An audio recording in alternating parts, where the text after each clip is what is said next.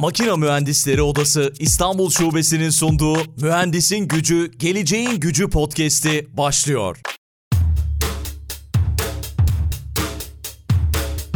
Makine Mühendisleri Odası İstanbul Şubesi'nin sunduğu Mühendisin Gücü, Geleceğin Gücü podcast'ine hepiniz hoş geldiniz. Ben Aykut Balcı. Bu bölümde Aksa Jeneratör Sanayi AŞ, Orta Doğu ve Afrika Bölge Direktörü, aynı zamanda bölgedeki yatırımların yönetim kurulu üyesi olan Okan Kızılırmak konuğumuz oluyor. Enerjiyi konuşacağız. Enerjiyle ilgili birçok şey konuşacağız. Enerjinin geleceğini konuşacağız. Okan Bey şu anda karşımda. Okan Bey hoş geldiniz. Mühendisin Gücü, Geleceğin Gücü podcast'ine. Aykut Bey hoş bulduk. Öncelikle davetiniz için çok teşekkürler. Makine Mühendisleri Odası'na da buradan teşekkür ediyorum bu organizasyonu yaptıkları için. Hem genç meslektaşlarımızın bir anlamda dünyada olup bitenden e, veya sektörde olup bitenden haberdar olması hem de tecrübeleri birbirimizle paylaşmak noktasında son derece faydalı olacağı görüşünde. Biz de öyle düşünüyoruz gerçekten. Bizimle olduğunuz için bu podcast'te gerçekten keyifliyiz, mutluyuz. Birçok şey de öğreneceğiz bu bölümde. Hemen açılışta biraz sizi tanımak isteriz. Neler yaptınız bugüne kadar? Kısaca ondan bahsederiz. Sonra da sorularım olacak size. Tabii ki. E, memnuniyetle. Ben 2003 senesinde Yıldız Teknik Üniversitesi Makine Mühendisi bölümünden mezun olduktan sonra eğitimin bir kısmını Texas A&M Üniversitesi'nde Texas'ta devam ettim. Akabinde askerlik görevi sonrasında direkt Aksa Jeneratör'deki görevime başladım. E, şöyle de ufak bir detay var. Hayatımda profesyonel olarak çalıştığım ilk ve tek şirket. Başladım ve hala devam ediyorum. Yaklaşık 15 seneyi doldurduk. Evet 15 sene geçti. U- uzun ama kısa bir kariyer oldu. Anlatımı oldu.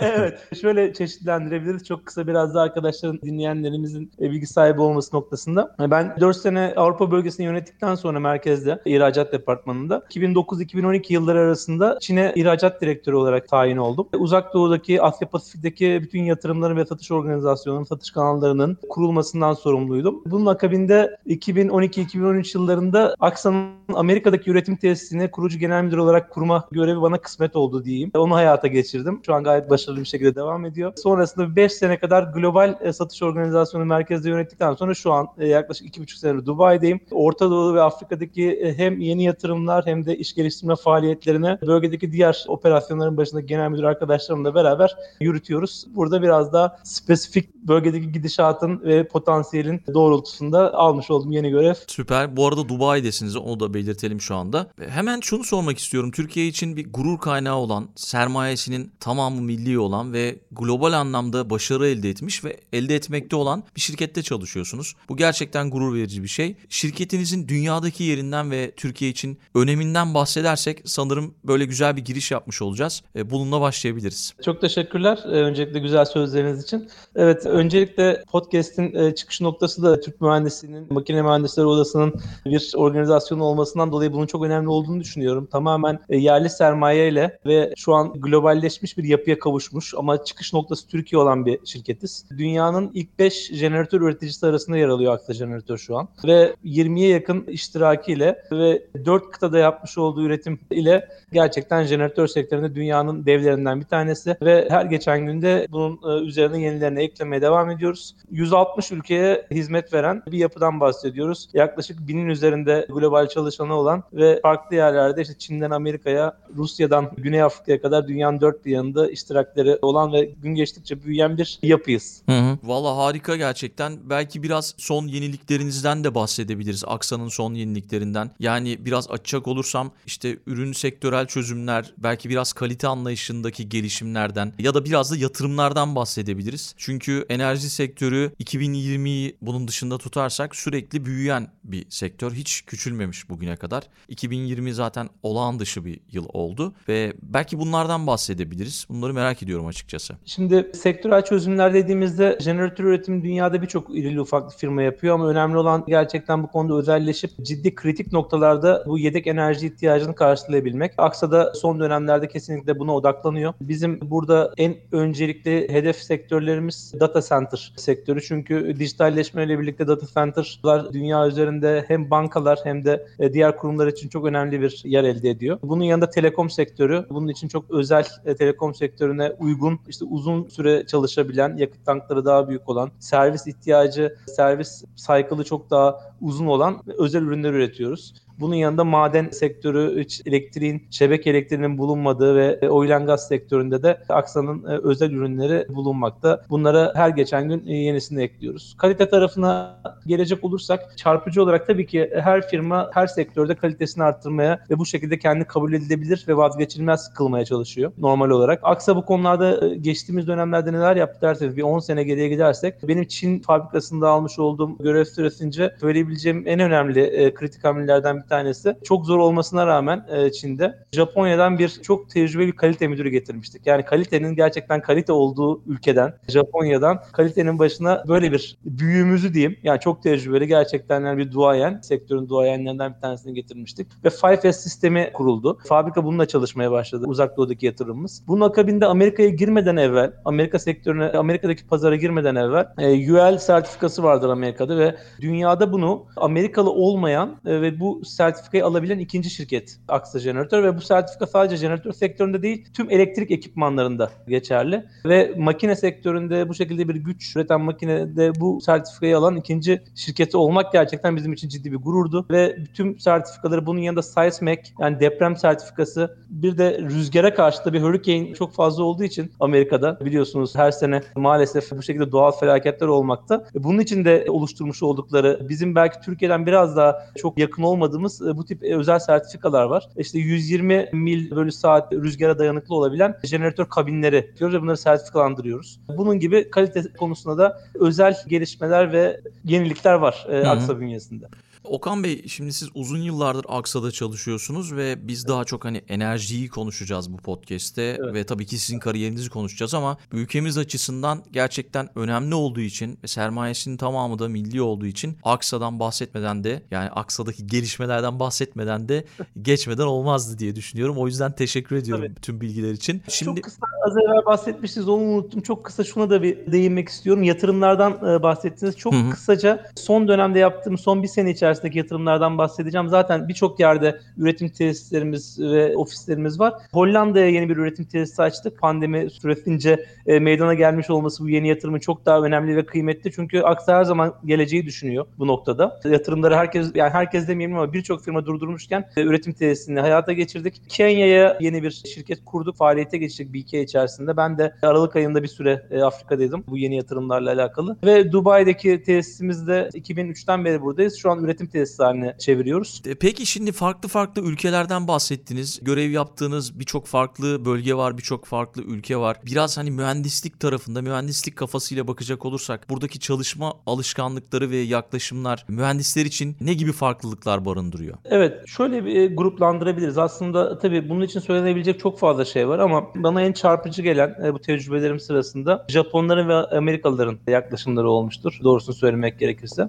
Yani Japon mühendislerin konuyu tekrar tekrar kontrol etmesi, süreçlerin çok uzun sürmesi ama gerçekten tabanı ve dokümantasyonu çok daha yoğun ve çok daha oturaklı bir iş çıkarttıklarını söyleyebilirim. Bunun yanı sıra Amerika'ya gittiğimizde e, tabii ki teknik altyapıları oldukça kuvvetli ve eğitim seviyeleri son derece yüksek, algıları çok açık ama e, marketing marketingin doğduğu ülke olması ve yaptıkları işi gerçekten kabul edilebilir ve satılabilir şekilde sunuyor olmaları teknik anlamda yeterliliklerinin belki aynı seviyede olmasa bile ürün kabul edilebilirliğini çok daha yukarılara çıkartıyor. Bu noktada dünyada tabii ki teknik çözümleri yaptığınız kadar bunları anlat, anlatabilmek ve sunabilmek ve pazara kabul ettirebilmek de çok önemli. Kesinlikle tabii ki içi boş olan bir şeyi sunamazsınız hiçbir sektörde ama içi her ne kadar dolu olursa olsun marketing tarafını geliştirmeden de bu çözümleri insanlara ulaştırmak, insanların kullanmasını sağlamak çok kolay olmuyor. Bir de şunu söyleyebilirim. Biz Çin'de 3 sene kadar görev yaptım az evvel bahsettiğim gibi. E, Çin'de benim vizyonumu en çok değiştiren e, hacimler olmuştur. Yani üretim hacimleri, satış hacimleri, üretim iş, mühendislik konuşurken üretimden bahsedebiliriz. Hı-hı. Bizim 120 bin metrekare kapalı alan bir fabrikamız var. Dünyanın en büyük jeneratör üretim tesisidir aynı zamanda. Aksa'ya ait. Çin'deki yatırımımız yaklaşık 80 milyon dolarlık bir yatırım. Buradaki yatırım. Burada Çin'deki ölçekler çok büyük. Yani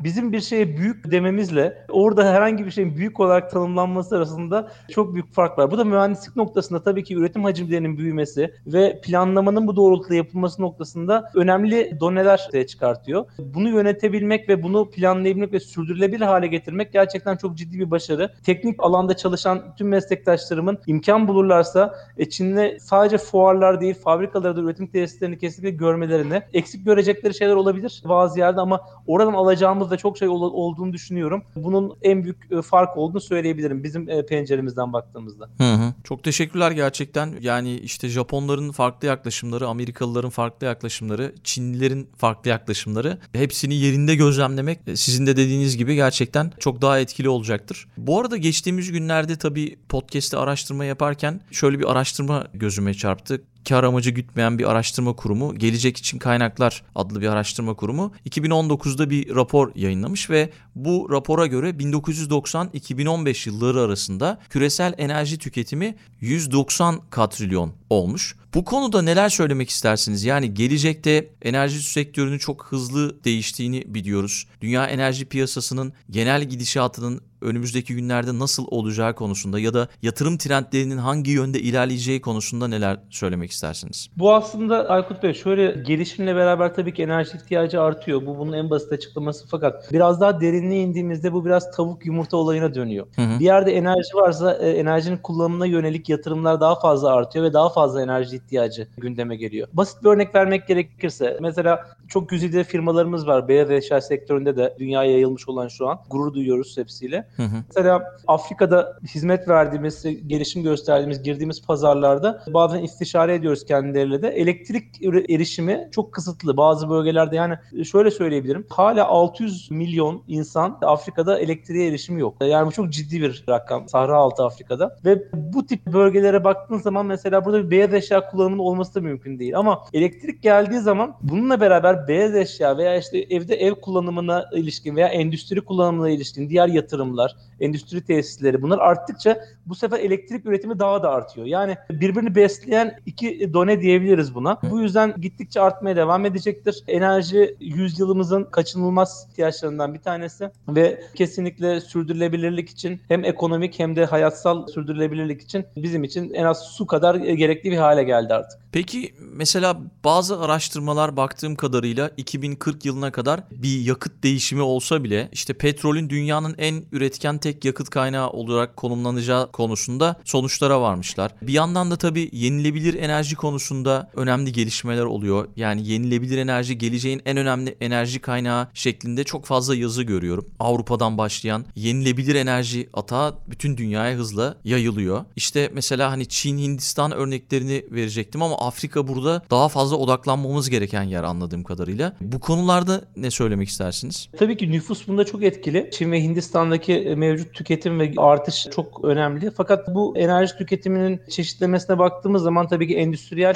tarzdaki ve yüksek hacimdeki enerji tüketimi bu, bu tip ülkelerde ener, ener, üretimin dünyanın fabrikası olmuş diyebileceğimiz ülkelerde çok daha fazla. Ama uzun vadeli olarak yüzdesel gelişime baktığımız zaman tabii ki e, 3. dünya ülkelerinde çok daha hızlı bir gelişim olacak bununla ilgili. En son zannediyorum 2014 senesiydi yanlış olmasın. Dünya Enerji Kongresi Türkiye'de yapılmıştı. Bir de 2000 geçtiğimiz sene 2019 senesi Abu Dhabi'de. Şansa e, burada Birleşik Arap. Emirlikleri'nde yapıldı. Oradaki devlet başkanlarının da genel olarak vermiş oldukları demeçlerde işte özellikle tabii ki oil and gas sektöründe petrolle alakalı Maduro olsun, işte Putin olsun birçok devlet başkanının dünyanın çok farklı yerlerinden özellikle petrol ve doğal gaz kaynaklarını yöneten ülkelerin başındaki insanların e, konuşmalarından da aldığım izlenim şu yönde. Aynen dediğiniz gibi yaklaşık bir e, 30-40 yıl daha ki 5 yıl geride kaldı 2040 dediniz. E, Herhalde 2050'lere kadar fosil yakıtlı üretim devam edecek enerji konusunda. Ama bu bölgesel olarak değişebilir. Şu an tabii ki Amerika'da ve Avrupa'da temiz yakıta ve yenilenebilir enerjiye çoktan geçilmiş durumda ve gün geçtikçe bu artıyor. Dünyanın sizin de belki bileceğiniz üzere dünyanın şu an ev tipi solar enerji sistemleri yani endüstriyelden bahsetmiyorum. Ev tipi hı. Solar enerji sistemlerinin en çok kullanıldığı ülke aslında güneşe bir anlamda hasret Almanya. Çok enteresan. Evet, tam o örneği Evet. verecektim. Şu an çatımız, ben Almanya'dayım Evet. şu anda. Çatımız tamamen güneş enerjisi kaplı. Evet. Bizim değil sadece bütün mahallenin kaplı. Yani inanılmaz gerçekten. Aynen öyle. Ben bunları yerinde inceleme imkanı buldum. Bazı iş ortaklıklarımız için bazı görüşmelerimiz vardı bu sektördeki firmalarla ve hibrit çözümler oluşturan firmalarla. 2000 herhalde 17-18'lerde falan ciddi anlamda üzerine eğildiğimiz konularda da hala devam ediyor. Telekom sektörüyle ilgili mesela bu tip çözümlerimiz de var. Hibrit hem solar hem rüzgar hem de enerji depolama sistemlerini kullanan. Çünkü mesela makineyi bizim jeneratörlerimizi dağın tepesine koyuyorsunuz. Erişimi çok zor. Devamlı buraya yakıt taşımaktansa işte soları ve rüzgarı kullanıp enerji üretmek ve bunları combine hale getirebilmek çok önemli bir hizmet olarak ilgili firmalara, ilgili sektörlere sunulabiliyor. Hı. Ee, şeye geri dönersek, dünyadaki genel enerji sektörüne geri dönersek şunu söyleyeceğim. Şimdi yaklaşık 7-8 sene önce Amerika'nın USAID'in öncülük etmiş olduğu Power Africa diye bir program var. Hı hı. Ee, yaklaşık 11 bin megawatt güce ulaştılar ve bunun kurulmuş olan güce ulaştılar ve hedefledikleri 30 bin megawatt. Yani çok ciddi bir rakamdan bahsediyoruz ve 52 milyar dolar Amerika bu işe bütçe ayırdı. E, Obama e, döneminde hız kazanan yatırımdı. Bunu e, tabii ki bu fonu temiz enerjiye aktarmak istiyorlar. Yani hidroelektrik, yenilenebilir, solar. Bu tip burayı yapılandırırken enerji dünyada enerjiye aç, enerjiye erişemeyen bölgeleri yapılandırırken Amerika'nın bu konuda bir öncülüğü var ve temiz enerji politikaları noktasında şu an özellikle bir hükümet değişiminde olduğu için daha da bunun e, derinleşeceğini düşünüyorum. E, genelde çünkü Amerikan seçiminde demokratlar e, başta olduğu zaman dünyadaki karbon salım noktasındaki yaklaşımlar çok daha farklı olabiliyor. Bunun artarak devam edeceğini ve bunu hep beraber gözlemleyeceğimizi düşünüyorum dünyanın birçok yerinde. Hı hı. Afrika örneği verdiniz ve bu örnekten yola çıkarak şöyle anladım. Önümüzdeki yıllar içerisinde en büyük artış elektrik tüketiminde görülecek. Yanlış anlamadım değil mi?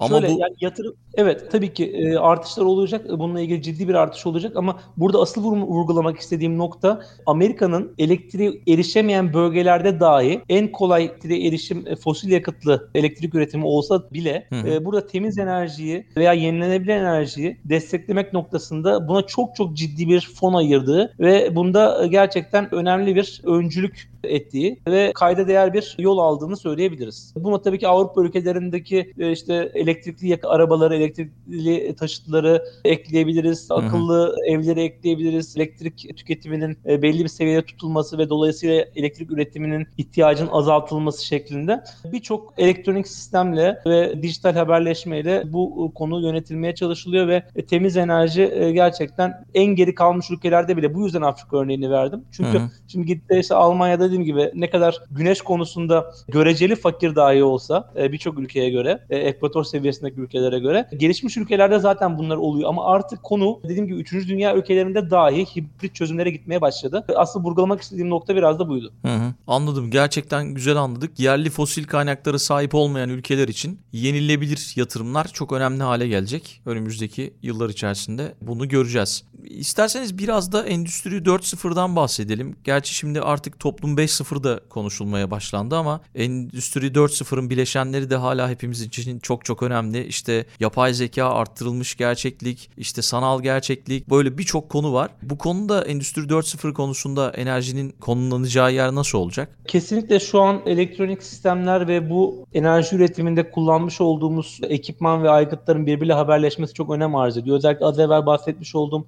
hibrit sistemlerin ve bir yandan da bunun üretim tarafında fabrikalarda çok daha efektif bir şekilde e, üretimin yapılması için otomasyona ve bu Endüstri 4.0 kapsamındaki uygulamalara geçilmesi söz konusu. Çünkü bunu manuel olarak yönetmek gerçekten çok mümkün değil. Mesela hibrit santraller yapıyoruz dünyanın farklı yerlerinde. Hem depolama sistemlerini hem de solar aynı zamanda fosil yakıt sistemleri bir arada kullandığımız kullanılan elektronik kartlarla hangisinin devreye gireceği, hangisinin devreden çıkacağı, hangisinin hangi yüzdeyle sistemde hizmet vereceği yönetilebiliyor ve bunun için programlamış olduğunuz sistem yeterli olmaya başladı artık. Zaten bir de e- enerjiyle alakalı şunu da söyleyeceğim. Burada enerji üretiminden ziyade iki önemli done daha var. Enerjinin depolanabilmesi. Şu an enerji pil sistemleriyle depolanabiliyor fakat bunun ucuzlaması. Yani gün geçtikçe teknoloji arttıkça kesinlikle ucuzlayacaktır. Solar sistemlerin ucuzladığı gibi. Ve enerjinin nakledilebilmesi. Hı, dağıtım Ee, çünkü- şebekeleri. Evet. Hı. Dağıtım şebekelerindeki kayıplar e, bizim çünkü grup olarak yaptığımız işlerden bir tanesi son derece tecrübeliyiz. Hem santral konularında, jeneratör dışında da planladı kazancı grubu olarak. Enerjinin dağıtılabilmesi, yani sağlıklı bir şekilde dağıtılabilmesi,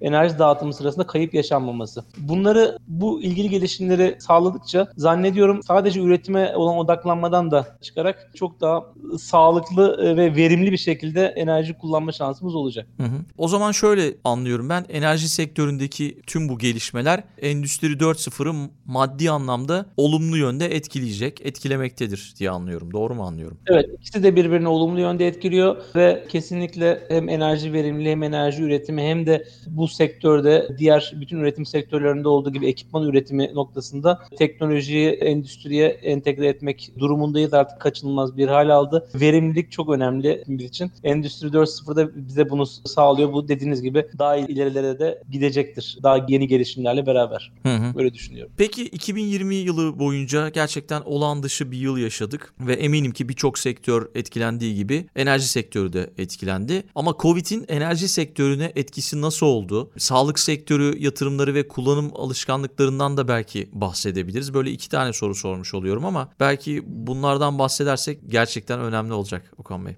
Tabii ki Erkut Bey. Kesinlikle her sektöre farklı yönde etkileri oldu. Kimini pozitif etkiledi, kimini negatif etkiledi ama kesinlikle hepimiz için e, sıkıcı, bir an önce içinden çıkmak istediğimiz ve herkese Evet. bütün dünyaya sağlık dilediğimiz bir süreç oldu bu süreç. Enerji sektöründe tabii ki sağlık yatırımları son derece her zaman için önemliydi. Yani insanlığın varlığından itibaren tabii ki sağlık çok önemli ama sağlık yatırımları bir nebze daha yeni yatırımlar, yeni tesisleşme e, ve ekipmanların enerji ihtiyacının artmasıyla ve doluluk oranının maalesef ki dünyanın birçok yerindeki sağlık tesislerinin doluluk oranının artmasıyla enerji ihtiyacı ihtiyaçları çok fazla arttı. Hatta yenilerinin e, dönemsel olarak inşa edilmesi gerekti biliyorsunuz ki. Bu noktada Evet. e, biz Yeniden mesela Almanya'da aşı merkezleri yapıyorlar ve işte Evet. ona göre bir belli bir seviyede soğutması gerekiyor işte o aşıyı. Baştan böyle bütün eyaletlere yeniden aşı merkezleri yapıldı. İşte hastaneler yapıldı yeniden. Çin'de Evet. gördük, Türkiye'de gördük. Buradaki tabii oluşan enerji ihtiyacını ve kritik bir enerji ihtiyacı bunu yedeklemeniz gerekiyor ve geçişlerini e, minimuma indirmeniz gerekiyor. Şebeke elektriği gittiği zaman bu yedek enerji ihtiyacının. E, bu noktada tabii ki pozitif etkileri oldu sektör olarak baktığımızda. Tekrardan maalesef diyorum buna. Hı hı. Ama bir anlamda bu teknolojiye ve şu an bu çözümlere sahip olmak da bizim için bir şans. Her ülke buna sahip değil. Dünyanın birçok yerinde çünkü çalışıyoruz, hizmet veriyoruz. Bizim ülkemizin içerisinde bunu sağlayabiliyor olmak, hani e, lokal olarak en azından bu çözümü oluşturabiliyor olmak da çok önemli. Çünkü mesela lojistik dünyanın birçok yerinden birçok ürüne hızlı bir şekilde ulaşabiliyordunuz. Bu makine veya ekipman veya gıda herhangi bir şey daha evvel çok daha kolaydı. Şu an mesela örnek vermek gerekirse bizim Çin'den veya işte Orta Doğu'dan Afrika'ya yapmış olduğumuz e, lojistik almış olduğumuz lojistik hizmetleri e, 2-3 katına çıktı fiyatları pandemi sürecinden sonra. Hmm. E, bunun tabii farklı sebepleri var. Yani birçok sektör etkileniyor. Bu, bu anlamda lokalizasyon e, çok önem arz etti ve bu üretim kabiliyetine sahip, tecrübesine sahip ülkeler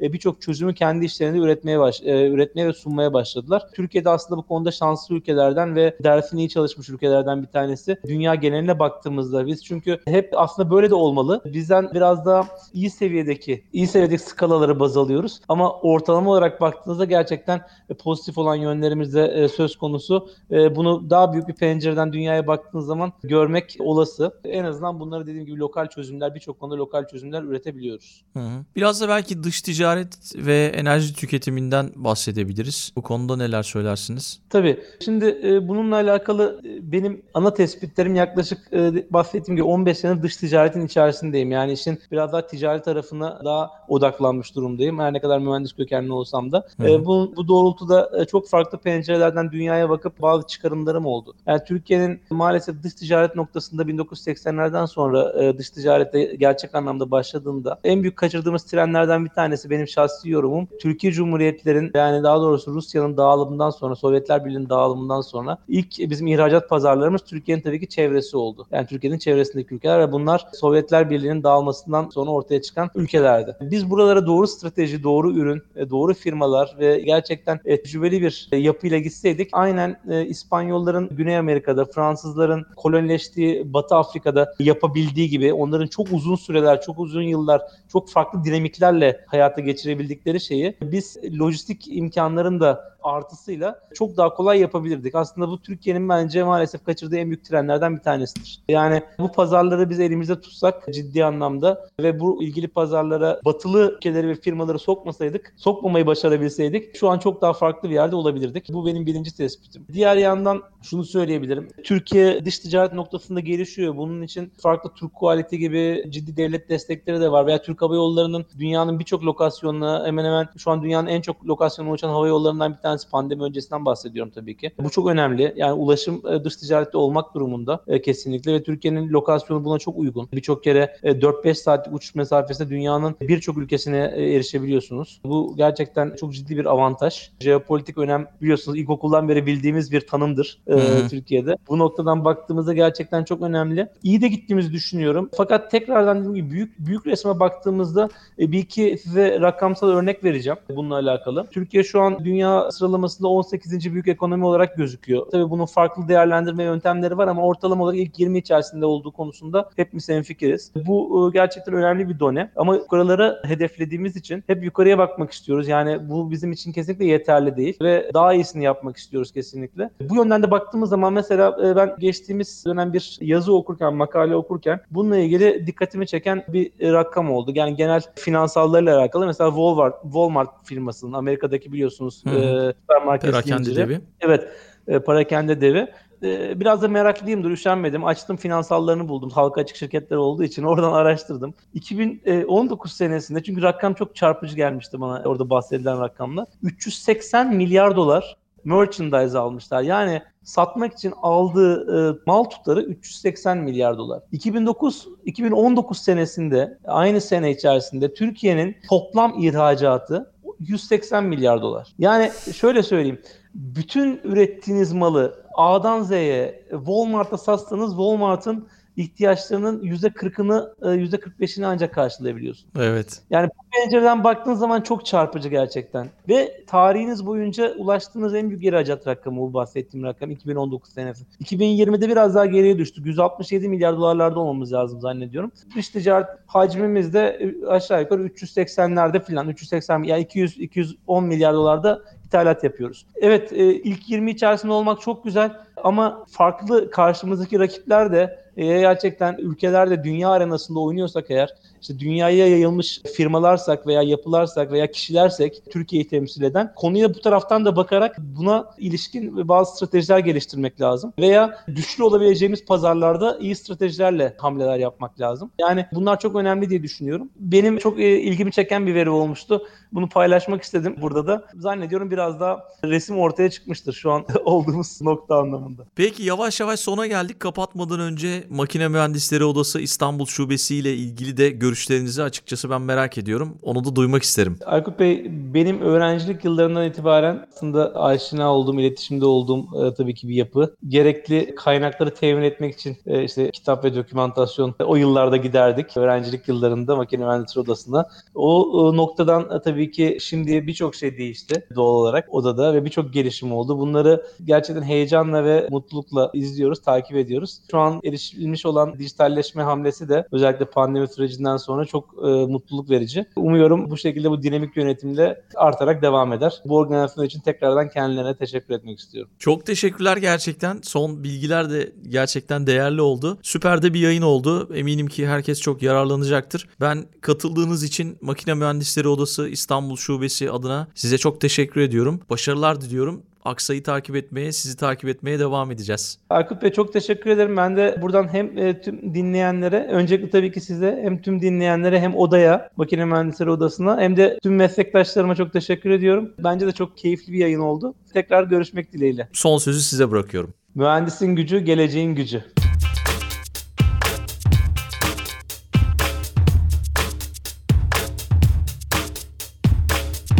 Makina Mühendisleri Odası İstanbul Şubesi'nin sunduğu Mühendisin Gücü, Geleceğin Gücü podcast'i sona erdi.